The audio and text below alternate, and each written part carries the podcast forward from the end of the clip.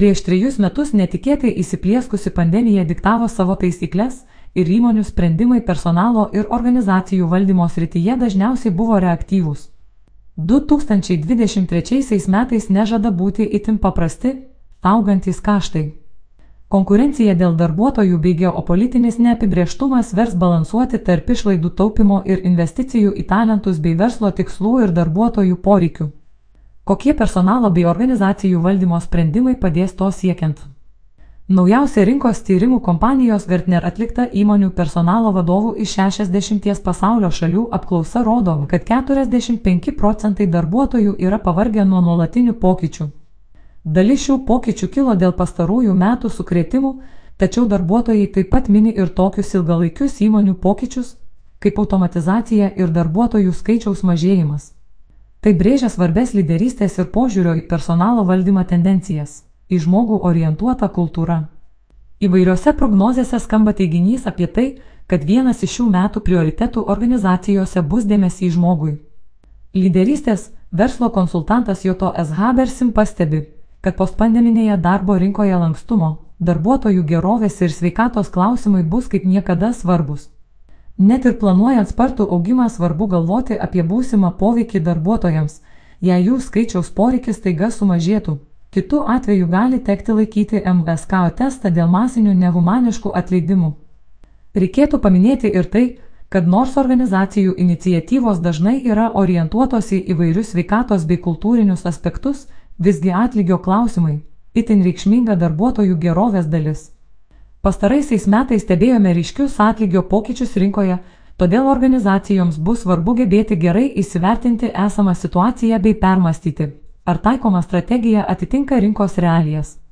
Nemažiau svarbus bus ir gebėjimas perteikti darbuotojams supratimą apie tai, kokios atlygio sistemos taikomos organizacijose ir kaip jos veikia. Stipri ir efektyvi lyderystė. 60 procentų Gartner apklausoje dalyvavusių personalo srities vadovų aukščiausių prioritetų išskiria stiprią bei efektyvę lyderystę.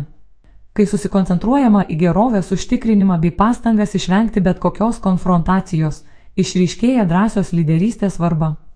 Žinoma, pranešti ir kalbėti apie blogas naujienas yra sudėtinga, tačiau esant tokiai neapibrieštai aplinkai nerealu tikėtis, kad bus išvengta nepatogių ar kritinių situacijų. Kita vertus, Viso pandeminio laikotarpio metu stebėjome didelį vadovų susikoncentravimą į nuotolinių komandų suvaldymą, darbuotojų lūkesčių atliepimą, o tai gerokai sekino jų pačių vidinius resursus.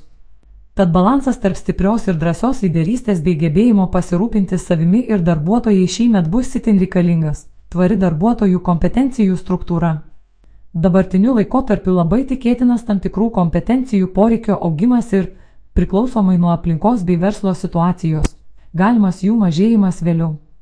Siekiant išvengti įtampos dėl darbuotojų pritraukimo ir ugdymo, esant augimo šuoliui bei darbuotojų poreikio mažėjimo ateityje.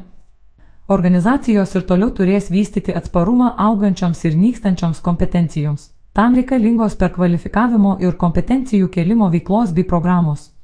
Jos svarbios ir dėl vis aktualesnė tampančios procesų automatizacijos.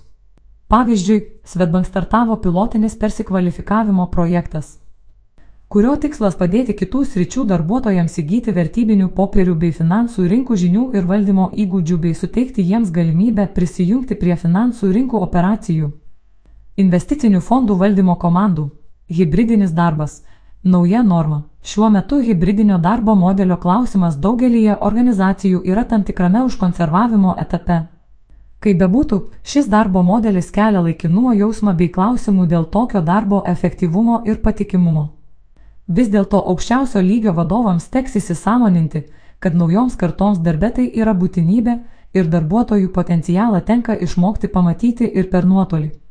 Ilguoju laikotarpiu laimės tos organizacijos, kurios supras, kad šią temą svarbu atidžiai stebėti ir ją pritaikyti kasdienėje veikloje taip, kad tai taptų organizacijos kultūros stiprybė.